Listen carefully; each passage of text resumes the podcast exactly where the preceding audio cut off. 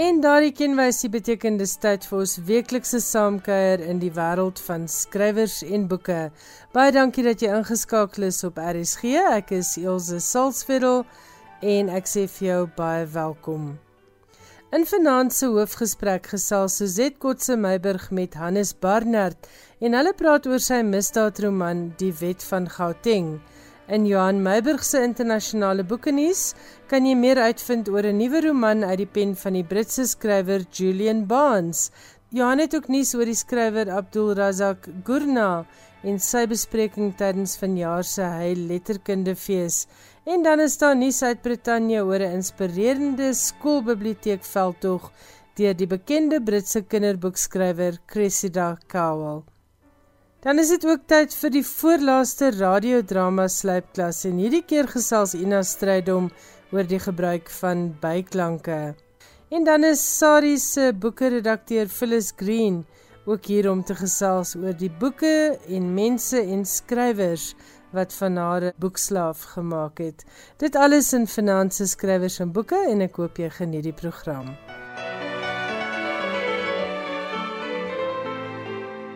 Dan net 'n verskoning van my kant af aan die skrywer Steven Leroux. Ek het verlede week ongelukkig nagelaat om te noem dat Steven se boek Toy van Karnavon uitgegee word deur Naledi.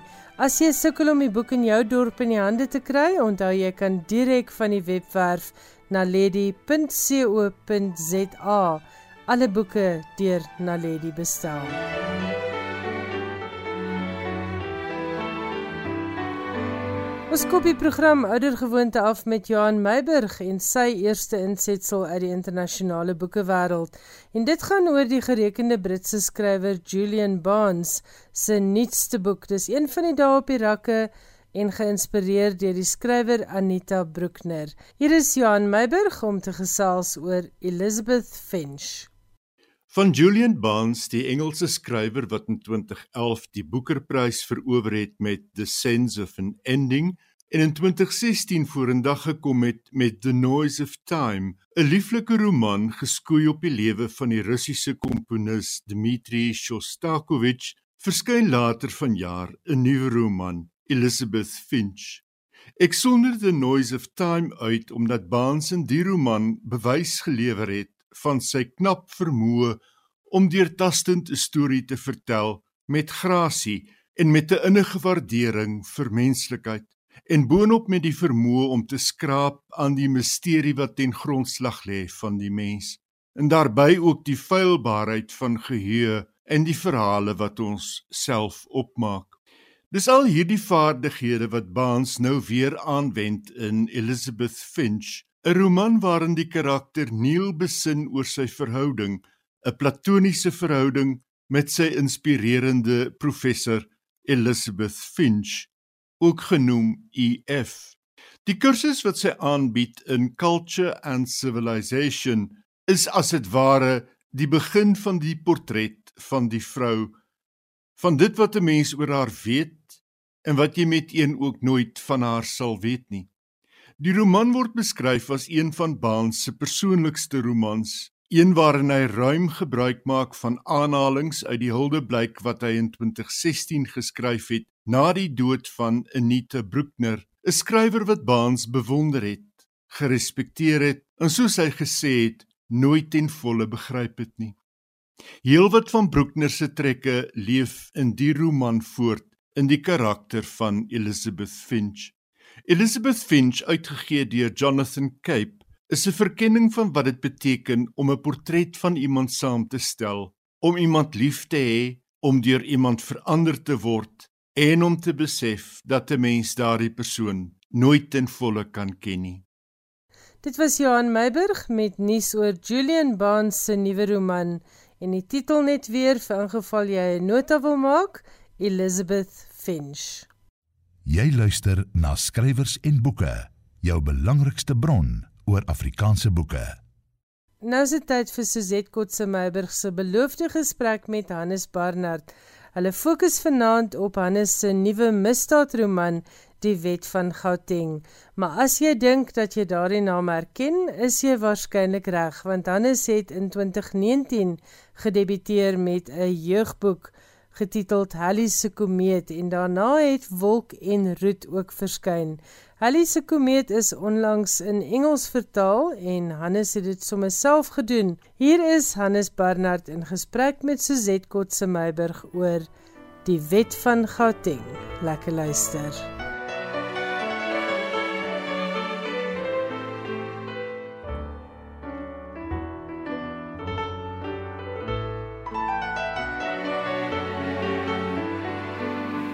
Hannes, baie welkom by Skrywers en Boeke.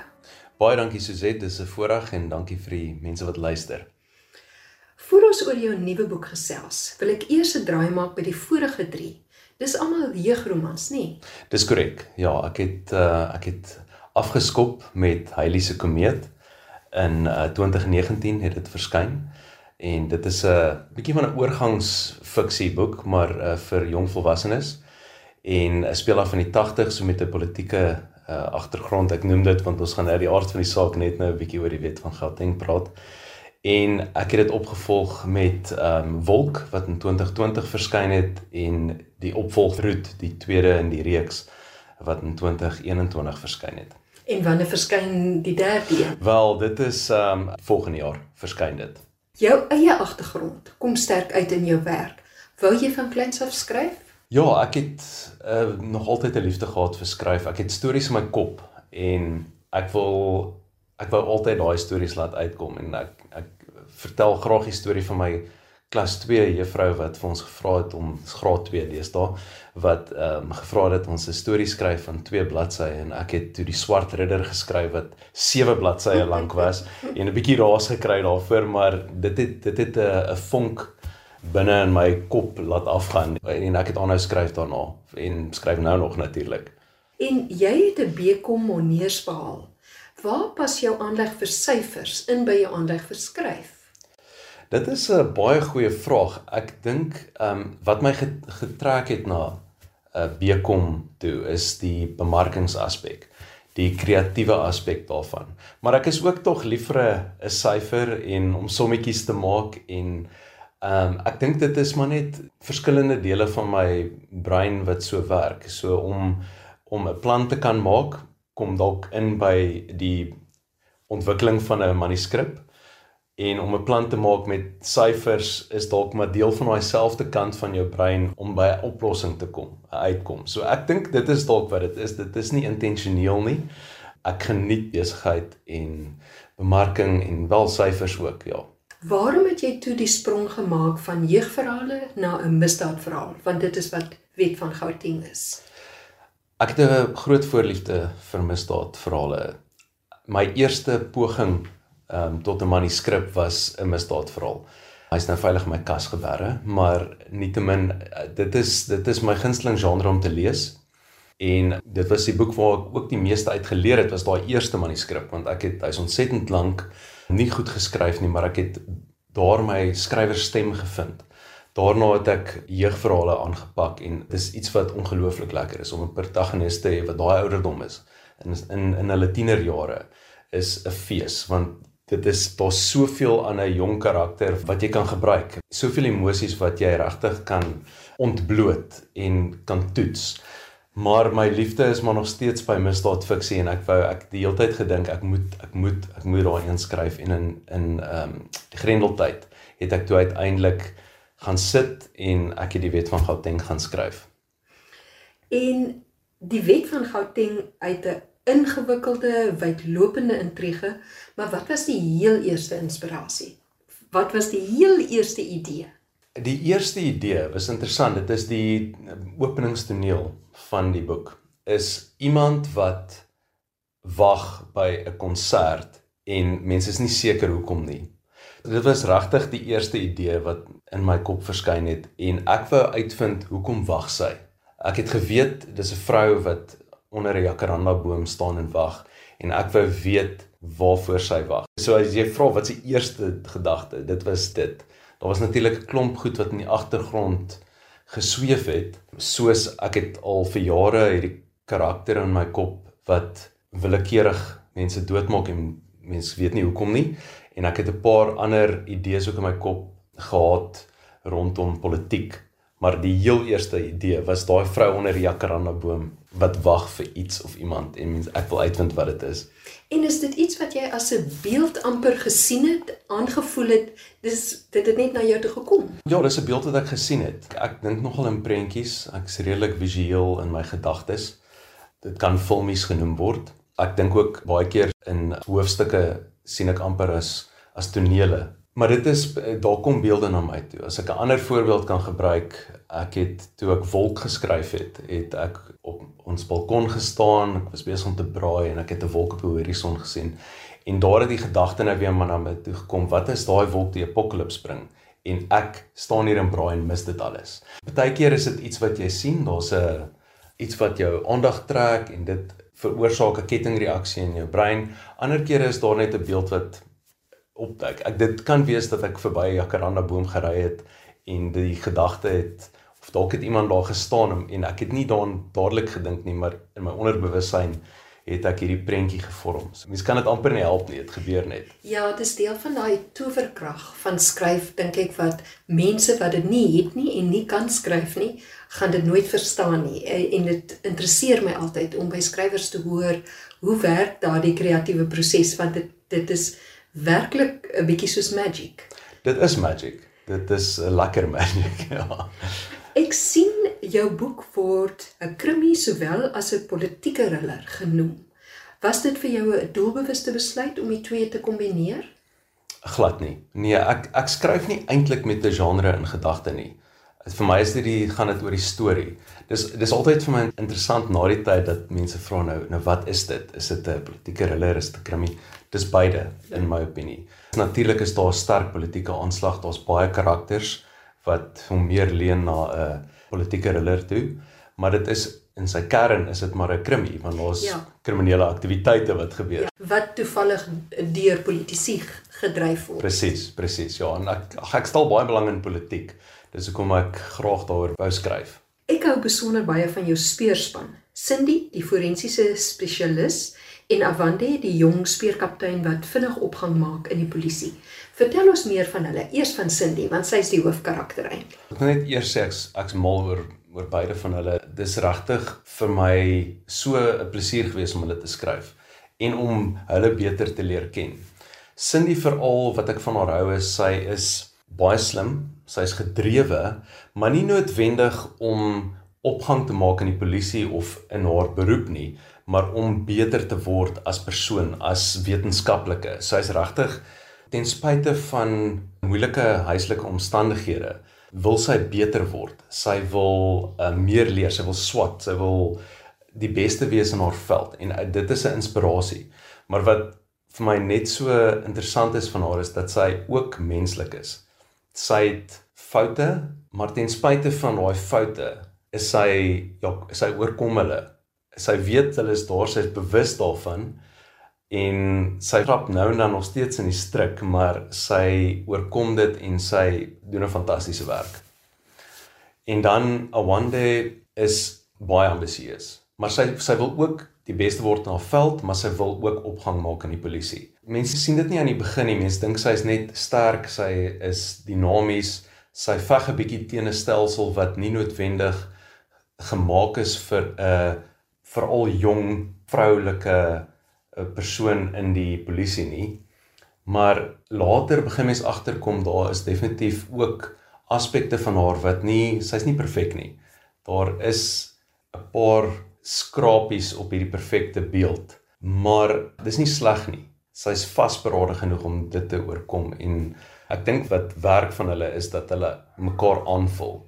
Waar die een dalk nie op hulle beste is nie, dan spring jy aan een en en dit het baie vinnig in hulle verhouding. Hulle mekaar nie, hulle hulle vind mekaar nog.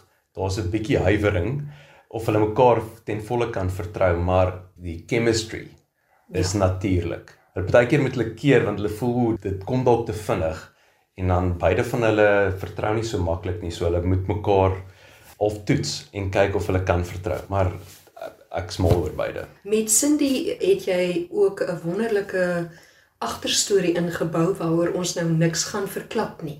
Maar dit het so goed gewerk, die kompleksiteit wat dit ook by haar karakter bring en die feit dat haar persoonlike lewe daar ook 'n hele verhaal is wat die leser dan stukkie vir stukkie agterkom wat aangaan en dan aan die einde dan dan word dit eintlik duidelik hoe die strome bymekaar kom. Is daar 'n spesifieke rede waarom jy vroue as speerders gekies het? Ja, ek het dit nie uh as 'n as 'n rede gebruik om, jy weet, om gepubliseer te word of so iets nie. Dit was net soos ek vroeër gesê het, die aanvanklike gedagte van die storie was 'n vrou onder die jacaranda boom. So dit sou altyd my een hoofkarakter gewees het. Sou altyd 'n vrou gewees het. Ek het nie geweet wie dit is nie en ek gaan nie nou sê wie dit is nie, maar dis een van my karakters. Dis nie 'n groot geheim wat ek nou weggee nie. daarmee saam het ek gedink wie sal wie sal 'n goeie vernoot wees in hierdie proses om om dit te ontrafel. Ons het ons aan die een kant het ons Cindy wat 'n forensiese spesialis is en dan wie is wie is die ander persoon wat deel deel sal wees om die raaisel te ontrafel soos ek sê. Ek het uh baie gaan kyk na hoe lyk die polisie mag op die oomblik en daar is 'n paar voorbeelde van baie sterk dinamiese jong vroue wat opgang maak en ek het hierdie prentjie in my kop gehad van 'n persoon en dit was Awande. Dis toevallig eintlik dat dit twee vroue is. Dit gaan eintlik meer oor hulle persoonlikhede en en wat hulle probeer bereik. Dit het baie natuurlik gekom dat dit toevallig twee vroue is. Ek is bly dit is ehm um, wie hulle is. Ek's bly daai persoonlikhede het na vore gekom en dis toevallig vroue, ja. Jou boek bevat soveel interessante detail. Moes jy baie navorsing doen? Ek het redelik navorsing gedoen. Uh, mense doen maar navorsing terwyl jy skryf ook. Mense mense laat die storie vloei en dan na die tyd besef jy jy jy kort 'n bietjie inligting. Jy is dalk te te na aan die oppervlak. Mense moet 'n bietjie dieper delf. Ek het met 'n paar spesialiste gepraat. Ek wil nie sê waaroor nie, maar mense kan as mens die boek lees sal sal mense verstaan oor oor goed wat ek nie baie van weet nie. So dit is ook interessant om meer te leer ek het natuurlik baie internetnavorsing gedoen soos mense maar doen en ek het natuurlik die boek aanvanklik geskryf in Grendeltyd so dan kan mens nie by baie, baie mense uitkom nie. So ja, ek het ek het baie navorsing gedoen, maar ek het probeer dat dit nie die momentum van die boek stop nie. So ek het voor die tyd bietjie navorsing gedoen en definitief tydens die redigering proses het ek baie navorsing ook gedoen om aan te vul. Maar ek het eers die boek ordentlik klaar geskryf, die manuskrip. As jy pas ingeskakel het en jy wonder na wie jy luister, dit is Suzette Kotse Meiburg en sy gesels met Hannes Barnard, skrywer van Die Wet van Gauteng. Ek het nou as redakteur natuurlik het ek die boek heel eerste een van die eerste mense gewees wat aan uitgewerskan daarmee gewerk het.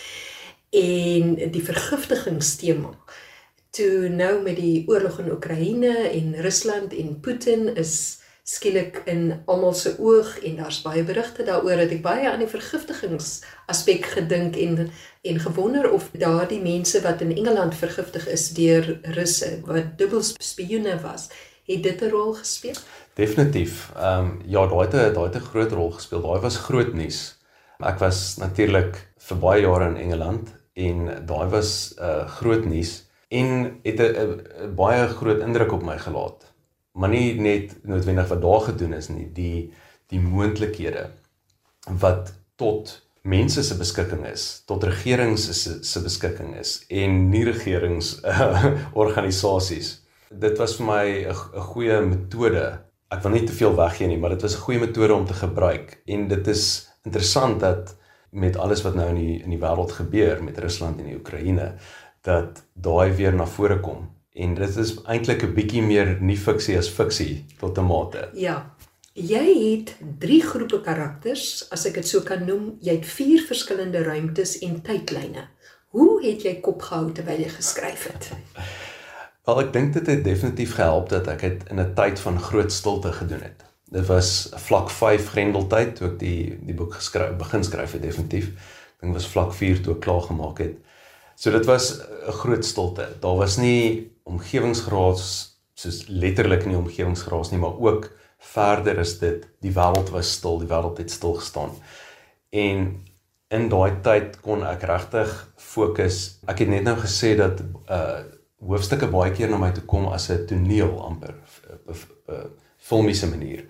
En ek het die boek so geskryf ook dat in in tonele en ek was eintlik verbaas aan die einde om toe ek nou deur die hele manuskrip lees om te sien dat ek toe nie eintlik groot leemtes gelaat het nie en foute gemaak het nie en ek dink dit is te danke aan die aan die stilte wat ek gehad het en ek wou elke keer 'n bietjie meer van 'n karakter onthul of 'n situasie onthul, bietjie raaisel van die uh, legkaart stukke vir lesers gee. So tot 'n mate het ek na die na die, die groter storie na my toe gekom in in 'n lineêre manier, maar as mens die boek lees, kan mens sien daar spronge. Ek weet nie, ek dalk was ek net gelukkig dat ek dit tydens 'n groot stilte kon skryf en dat ek nie groot foute ten minste gemaak het in terme van ehm um, die kontinuïteit nie. Die hooftema, dit wat die verhaal 'n uh, politieke thriller maak, is die korrupsie kwessie. Nou jy het lank oor see gewerk. Jy dit gee mense altyd blootstelling aan die probleme ook van 'n ander deel van die wêreld as ons eie. Die hele kwessie van korrupsie in Suid-Afrika. Hoe sien jy dit? Ja, kom ek sê net eers, korrupsie is glad nie uniek aan Suid-Afrika nie. Ek het dit oral gesien waar ek gebly het. Elke liewe land het dit. En ja, ek het in 'n eerste wêreldland gebly. Ek ja, so ek mens ek dink dit is belangrik dat mense dit sien, maar ek dink korrupsie die probleem is daar's 'n 'n gevoel van skuld. Baie baie mense voel hulle het hulle het vir jare iets gedoen en nou gun hulle hulle self tot 'n mate iets iets groots en dit iets is baie groot. iets baie groots. Hulle hulle hulle dink eintlik alles. Alles is is is hulle sin. En en en dit is die probleem van korrupsie want dit is op 'n mikrovlak tot 'n makrovlak is daai oral sigbaar. Mens kan die kleinste werknemer wat 'n geldjie vat tot weet 'n polisieman langs die pad wat 'n bietjie 'n geldjie vat in plaas van 'n spoedkaartjie tot die mense wat uh, aan die hoof is van die land wat dan triljoene vat omdat hulle kan en hulle voel dis verskuldig aan hulle. Ek dink dit is ongelukkig dit is nie ingebore nie, dit is nie 'n kultuur nie, maar dit het, amper 'n kultuurlike verwagting geword. Dit het amper 'n nuwe kultuur geword. Want daai is nie die kultuur van van vryheidsvegters nie. Vryheidsvegters het vir 'n baie spesifieke doel geveg vir vryheid en baie ander mense in politiek hopelik gaan hulle in politiek in om die land beter te maak, die mense om hulle, die omgewing waar hulle vandaan kom. Maar iewers is daar 'n draaipunt en ek dink dis daai ek voel ek's verskuldig omdat ek werk gedoen het.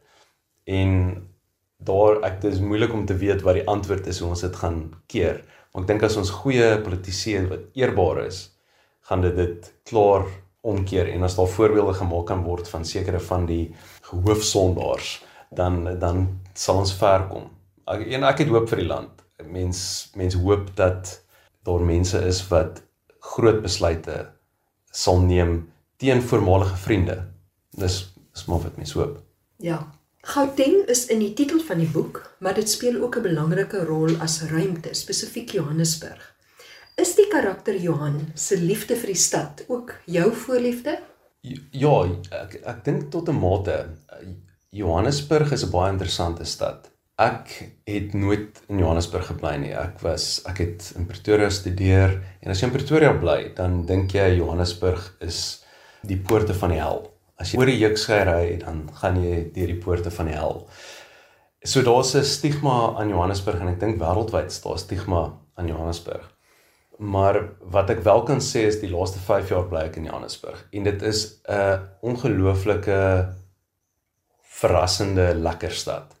Goeie vriende van my het ons sien te trek het hulle vir ons sê dit is the most underrated city in the country. En ek dink dit is waar. Dit is hy het ietsie van alles. Dit is en ek dink in die boek praat ek ook daarvan. Hy is 'n harde stad. Daar is verskriklike goed wat daar gebeur. Maar dit is ook 'n stad met van die vriendelikste mense in die land.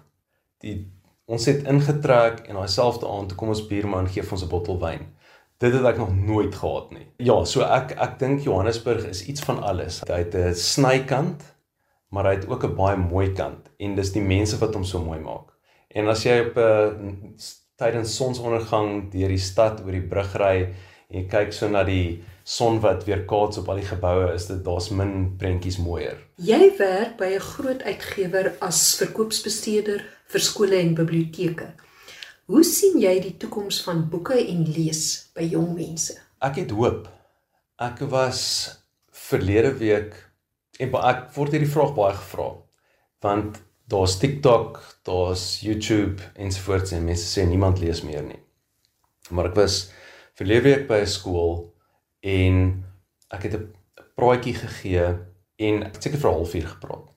Maar vir 40 minute daarna het kinders na my toe gekom en gesê, "O, ek hou van hierdie boek. Ek wil graag skryf. Ehm, um, het jy vir my voorstelle vir ander boeke?"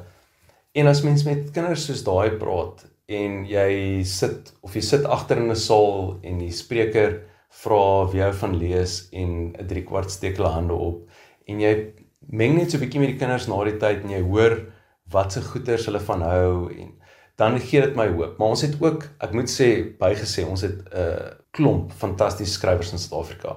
Van jeugboeke regdeur tot volwasse fiksie. Maar ek dink die die sleutel lê by baie van ons jeugskrywers. En ek wil nou nie klomp voorbeelde gee nie, maar daar's maniere ook om nie lesers aan die lees te kry. Iets soos grafiese romans. Daar's twee wat uitstekend is vir vir jong kinders, een van Fanny Viljoen en een van Cecilia Stein, net om die prentjies is so goed geteken, die die die illustrasies is wêreldklas met min woorde. En Daniel Hugo wat 'n uh, laaste lewe geïllustreer het, hy sê grafiese romans is 'n gateway drug tot literatuur en dit is so mooi gestel. So daar is maniere hoe ons kinders aan die lees kan kry en dan maak jy lewenslange lesers van hulle. En as jy leeskultuur het, dan maak jy kry 'n kultuur van mense wat se koppe oop is en hopelik is daar minder korrupsie as gevolg daarvan want hulle sien die wêreld wyer as net die wêreld om hulle en geslote TikTok of ehm um, Twitter wêreld waar almal is so Twitter veral waar almal net veg en kla en glad nie 'n debat kan voer nie. Hoopelik as mense meer aan die lees is, sal hulle hulle koppe oop gaan, hulle sal 'n debat kan voer en ons kom by ordentlike antwoorde uit eerder as die ou wat die hardste skree. Ja, by geletterdheid eerder as net die kwessie van lees of nie lees nie. Ja, nee presies. Lees met begrip. Dit was Suzette Kotse Meiburg en Hannes Barnard. Hulle het gesels oor sy misdaadroman Die Wet van Gauteng. Dit word uitgegee deur Iman en Rousseau. Sy jeugboeke se titels net weer Roet, Wolk en Halley se komeet en laasgenoemde is ook in Engels verkrygbaar. Die gesprekke by letterkunde en boekfeeste lewer belangrike bydraes tot die openbare diskurs, soos weer duidelik blyk uit Johan Meiburg se volgende bydra. Hy vertel van die skrywer en wenner van die Nobelprys vir letterkunde, Abdul Razak Gurna, se onlangse gesprek oor Brittanje en dit het plaasgevind by die Hy Letterkunde Fees. Hier is Johan.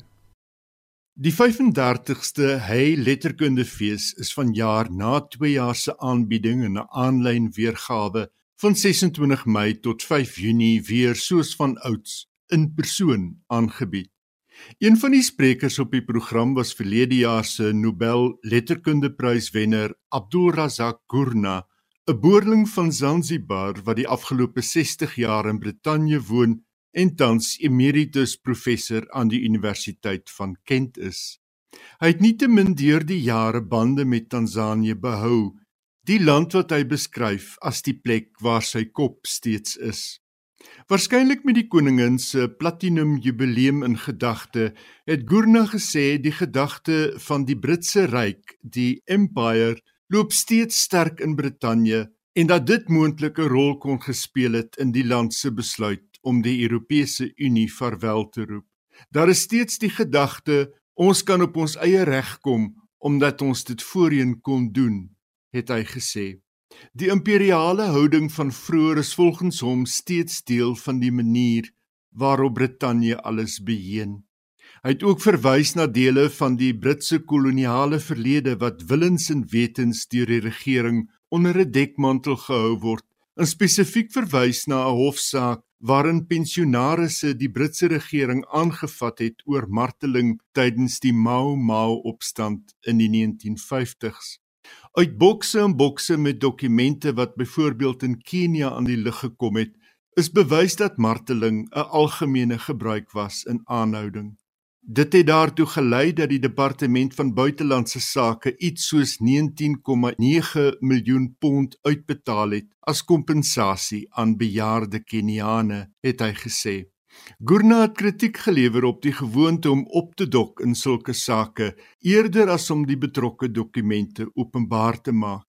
Alwaaroor die regering begaan is, het hy gesê, is om seker te maak dat die volle waarheid nie aan die lig kom nie. Dis omdat die volle verhaal van Brittanje se koloniale misdade verdoesel word dat imperiale sentimente steeds so welig aanwesig is, het hy bygevoeg. Baie dankie Johan Meiburg en die skrywer na wie Johan verwys het se naam net weer Abdulrazak Gurna. Skrywers en boeke, alles wat jy oor die boekewêreld wil weet en meer. In die voorlaaste slypklas vir die skryf van radiodramas gesels Ina Strydom van RSG se drama afdeling vanaand oor die gebruik van byklanke en dit is natuurlik 'n noodsaaklike aspek van radiodramas. Hier is Ina. Wanneer 'n skrywer 'n storie bedink en uiteindelik begin ontwikkel, behoort hy te weet hoe sy karakters lyk, waar die storie hom afspeel en in watter era. In 'n roman word die voorkoms van karakters en die milieu waarin die storie afspeel beskryf. Die slim skrywer doen dit op natuurlike wyse en verweef die beskrywings met die storie. In die drama word die milieu uitgebeeld met kostuums, dekor en beligting. Maar hoe gemaak met 'n radiodrama? In die genre word die hele storie immers met klank vertel. Nou in die radiodrama word die storie ingekleur met byklanke, akoestiek en musiek. Die elemente is die hulpmiddels vir die radiodrama skrywer. Die illusie van ruimte word geskep deur die plasing van akteurs op verskillende afstande van die mikrofoon. So kan die luisteraar dan hoor wanneer 'n nuwe karakter sê nou maar by die deur inkom of as iemand wegloop. Dit staan bekend as perspektief. 'n Spesiale omgewing word geskep deur van akoestiek gebruik te maak. So kan daar byvoorbeeld 'n ekko wees wanneer die karakter in 'n grot is of in 'n groot leë pakhuis. Die akoestiek van 'n sitkamer verskil van die van 'n stoep of 'n kombuis. Dit help dus die luisteraar om die omgewing te visualiseer of te verbeeld. Byklanke is 'n belangrike hulpmiddel om die luisteraar in staat te stel om 'n prentjie in sy kop te vorm. Dit word as die dekor in die radiodrama beskou. Dit kan koppies in eetgery wees of voetstappe of deure wat oop en toe gaan, 'n voertuig wat naderkom of vertrek, of 'n hond wat blaf of voels wat chirp. Enigiets is moontlik met byklanke. Ek het vroeër in een van die slypklasse gesê met radioteater kan 'n mens maan of mars toe gaan en dit is juis byklanke wat die reis moontlik maak. Dit kan egter ook 'n tweesnydende swaard wees. Te veel verskillende byklanke kan die luisteraar verwar. Dit kan ook die aandag aftrek van die dialoog. Verder moet byklanke gemotiveerd wees. 'n Tikkende staanhorlosie of kwetterende voëls of enigiets wat 'n irritasie kan word, is teenproduktief. Die gebruik van byklanke moet subtiel wees. Dink eerder waterverf as olieverf. Musiek word as die beligting in die radiodrama bestempel. Dit skep in die eerste plek stemming. Dit help dus om hartseer of vreugde of spanning aan te dui en kan onder die dialoog of as brug tussen tonele gebruik word. Musiekbrûe dui ook op die tydsverloop en 'n verandering in plek. Musiek word dus gebruik om wisseling van tonele aan te dui. Soos byklanke, moet musiek egter ook doeltreffend en funksioneel wees. Musiek moet soos byklanke ook nie die aandag aflei van die dialoog nie. Nou ja, dit is van die hulpmiddels wat die skrywer van die radiodrama kan en moet gebruik om sy storie te vertel. Die heel belangrikste is egter dat die hulpmiddels met oorleg gebruik moet word. Dit moet die luisteraar in staat stel om 'n beeld te vorm, nie om sy aandag af te trek nie. En dit was die voorlaaste bydra in die kort reeks. Lekker skryf. Tot volgende week. Dit was Ina Strydom met haar voorlaaste radiodrama slypklas. En as jy nog wil inskryf vir RSG se radiodrama skryfkompetisie, jy het tyd tot die 1 Augustus En as jy nog steeds 'n bietjie raad soek en hulp soek met die skryf van hierdie radiodrama, gaan kyk op ons webwerf by rsg.co.za vir 'n handleiding. Daar's ook volledige besonderhede oor hoe om in te skryf vir RSG se radiodrama skryfkompetisie. Nou is dit vir my lekker om vir Phyllis Green, Sari se boeke redakteur hier te verwelkom. Sy is die afgelope paar jaar 'n gereelde bydraer tot skrywers en boeke wanneer ons gesels oor al die baie interessante boeke wat ander boekliefhebbers lees en Phyllis lees verskriklik baie. So daar's altyd vir my iets nuuts wanneer sy met ons kom gesels. Maar vanaand gesels ons oor die boeke en die mense en die skrywers wat van haar 'n absolute boekwurm gemaak het. Hier is Phyllis Green. My liefde vir lees kom definitief van my ma af. Ek onthou as klein kindjie het my ma altyd gelees en sy het van kleins af vir my ehm um, tydskrif of 'n boek of papiere of potlode of sulke plastiekboekies waarmee ek in die bad gespeel het gegee om my besig te hou. En uh toe ek nou eers ons was altyd lid van 'n biblioteek ook en toe ek nou self kon uitneem het sy my voorgestel aan die Dr. Seuss boeke en dit het vir my 'n liefde vir lees gesement vir die res van my lewe. Toe ek op skool was het ek in standaard 1 'n fantastiese biblioteekjuffrou gehad, juffrou Mara de Klerk. Ek sal haar nooit vergeet nie want sy het my liefde vir lees absoluut aangewakker. Toe ek nou al die klein kindertjie boeke gelees het wat ek mag gelees het ehm um, toe ek in die jonger standaards was, het sy my spesiale toestemming gegee om by die ouer kinders se rakke uit te neem en toe ek toe ek al die Stella Blakemore ehm um, se Maastor boeke het ek gelees en ek het via Hietjie se boeke gelees. So ek het ek het altyd 'n bietjie ouer gelees as wat my ouderdomskategorie was, juis omdat ek sulke wonderlike mense gehad het wat my liefde vir lees net bly aanwakker het en en aangemoedig het. En in matriek um, my matriek juffrou wat vir my Engels gegee het Mrs Nikki Eis sy het vir my 'n wêreld oopgemaak toe sy Shakespeare wat regtig vir skoolkinders baie vervelig kan wees op 'n verbale manier aan ons voorgestel het sy dit sy het ons dit hardop laat voorlees en ek dink daai het Shakespeare vir my in 'n nuwe dimensie ingegaan. Onthou ek het baie 100 jaar gelede my matriek gedoen. So toe was daar nie flieks oor Shakespeare of allerlei gidse om hom vir jou makliker te maak of so nie. En sy het regtig moeite gedoen om Shakespeare wakker te maak um as as as 'n lewende skrywer en iemand wat so wat eintlik 'n snaakse en 'n baie uh skrywer was wat sosiale kommentaar lewer op goed. Ek sy het my so geïnspireer dat ek ingeskryf het vir 'n graad in Engels en toe gegradueer het met 'n graad in Engels. Ehm um, toe werk ek as 'n klankassistent by die SAIK 'n hele paar jaar daarna later en ek het nooit regtig vreeslik baie Afrikaans gelees nie. Toe werk ek saam met 'n omroeper met die naam van Willem Engelbregt en hy het my toe voorgestel aan Afrikaanse skrywers omdat hy gesien het ek lees altyd Engels. En ek onthou die eerste boek wat hy vir my gesê het ek moet lees is Andre P Brink se Houding Back. En dit het my kop so weggeblaas dat ek toe begin het om Afrikaans te lees.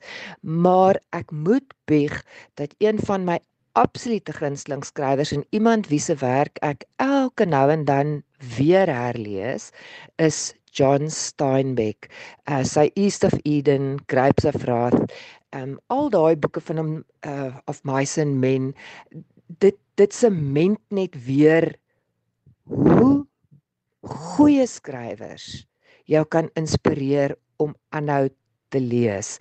Um vandag lees ek ongelooflik wyd. Ek is 'n nuuskierige leser, so ek sal baie keer sommer 'n onbekende skrywer wat ek nog nooit van gehoor of iets van gelees het nie, sal ek lees net uit nuuskierigheid uit. Ehm um, en dan natuurlik lees ek al ons goeie en groot skrywers in Afrikaans want ons het fantastiese skrywers in Afrikaans en dis vir my ook een van die lekkerste dinge in my lewe is om te sien hoeveel goeie skrywers ons in Afrikaans het en hoeveel nuwe goeie skrywers in Afrikaans net taal, die woord en skryf oopmaak vir mense wat lief is vir lees. So ja, ek het 'n 'n lewenslange passie vir lees en ek dink dit is iets wat ek wat ek koester in my lewe want dit hou my kop op koers in slegte tye. Ehm um, dit troos my in hartseer tye en dit laat my lag in happy tye. So ja, ek voel lees maak my lewe ryk. Dit was Phyllis Green, Sari se boeke redakteur. Baie dankie Phyllis. Ons sluit nou die program af met Johan Meiburg se bydrae oor die Britse skrywer Cressida Cowell se lewensveranderende biblioteke projek. Jy kan ook luister na die pleidooi wat Cowell hieroor gelewer het. Cressida Cowell, skrywer van onder meer die reeks vir kinders How to Train Your Dragon en ook Brittanje se amptelike kinderboekskrywer, het 'n laaste pleidooi in die hoedanigheid gelewer dat die regering meer moet belê in skoolbiblioteke. Kraul se termyn as amptelike kinderboekskrywer loop teen die einde van die maand ten einde. Sy het navorsingsverslae aangehaal wat daarop dui dat skoolbiblioteke 'n beduidende bydrae lewer in akademiese prestasie en uiteraard om 'n leeskultuur by kinders te vestig. Kaal het gepraat na die bekendmaking van 'n verslag oor haar Life Changing Libraries projek wat sy in die 3 jaar van haar termyn van stapel gestuur het. As deel van die projek is 6 biblioteke by laerskole regdeur die land opgerig en van meer as 1000 uitgesoekte boeke voorsien. Die projek het ook behels die opleiding van spesialiste om 'n leeskultuur by kinders te vestig. Ek weet hoe moeilik dit deesdae is om kinders so ver te kry om vir pret te lees, het sy bygevoeg. Skoolbiblioteke is gewoon onontbeerlik om die doel te bereik. In 'n oop brief van die Britse eerste minister het Cowell gevra vir 100 miljoen pond om nie net nuwe biblioteke in te rig nie, maar bestaande biblioteke op te knap. Haar pleidooi is gesteun deur vorige amptelike kinderboekskrywers soos Mallory Blackman, Michael Rosen en Quentin Blake. Hier is Cressida Cowell aan die woord oor haar droom vir skoolbiblioteke. I've just written an open letter to the Prime Minister Boris Johnson with the support of former laureates, literacy organisations, and public publishing industry leaders, asking for the government to put primary school libraries at the heart of our long term response to the pandemic, with a ring fenced yearly investment of £100 million. I've written this letter because millions of children are missing out on the opportunity to discover the life changing magic of reading, one that research suggests is a key indicator of a child's future success. A reader for pleasure is more likely to be happier, to be healthier, to do better at school, and to vote all irrespective of background. And I think that this is an opportunity that should be available to everyone. Because how can a child become a reader for pleasure if their parents or carers can't afford books and their primary school has no library or that library is woefully insufficient? It's impossible. I have visited primary schools across the country over my 20 year career as a children's author illustrator, and it is heartbreaking to see just how unevenly this fundamental opportunity is distributed. It just isn't fair. There is vast inequality in the current primary school library provision, with evidence showing a lack of space, resource, and expertise, and that libraries are deteriorating. And whilst every prison has a statutory library, one in eight primary schools has no prime library space at all. How is it fair that some children are being given this immeasurable advantage in life, but then so many do not have that same chance to change their future? The government has committed to levelling up this country and creating a fair playing field for all children. The devastating impact of the pandemic on the most disadvantaged is not going to be remedied with a quick fix. We must properly invest in their future at this pivotal moment. I'm using my platform as Waterstone's Children's Laureate to urge the government to take this positive step of placing primary school libraries at the heart of our long-term education recovery with a yearly dedicated boost of 100 million pounds because put simply libraries change lives literacy changes lives I hope you will join in support of this life-changing libraries campaign. En dit was die stem van die Britse kinderboekskrywer Cressida Cowell. En ja, ek moet met haar saamstem, dit sal absoluut wonderlik wees as regerings en in ons geval ons eie regering op plaaslike, provinsiale en nasionale vlak wil belê in skool- en dorpsbiblioteke. Ongelukkig gebeur dit nie, daar's altyd 'n rede hoekom daar nie geld is om boeke te koop nie. En daarom wil ek maar weer 'n beroep doen op ons luisteraars en enigiemand wat wonder wat om met al die boeke op jou boekrak te maak of dalk al die kinderboeke wat jou kinders nie meer lees nie. Skenk dit asseblief aan boek- en leesprojekte in jou omgewing of vir die skoolbiblioteek en dink net aan al die vreugde wat jy gaan bring. En soos Kaal tereg sê, biblioteke en geletterdheid verander lewens. En ons kan almal 'n bydrae maak al skenk jy ook net een boek vir 'n biblioteek. Ek groet dan nou eers tot volgende Woensdag aand om 8uur wanneer ek en Johan Meiburg weer terug is met nog 'n skrywers en boeke. Mag jy warm en gesond wees in hierdie week wat voorlê en mag jy wonderlike boeke hê om te lees. En onthou jy hoef nooit alleen te wees solank jy 'n radio het nie. RSG is 24 uur per dag hier om jou geselskap te hou. Totsiens tot volgende week van my Elsje Salzwetel.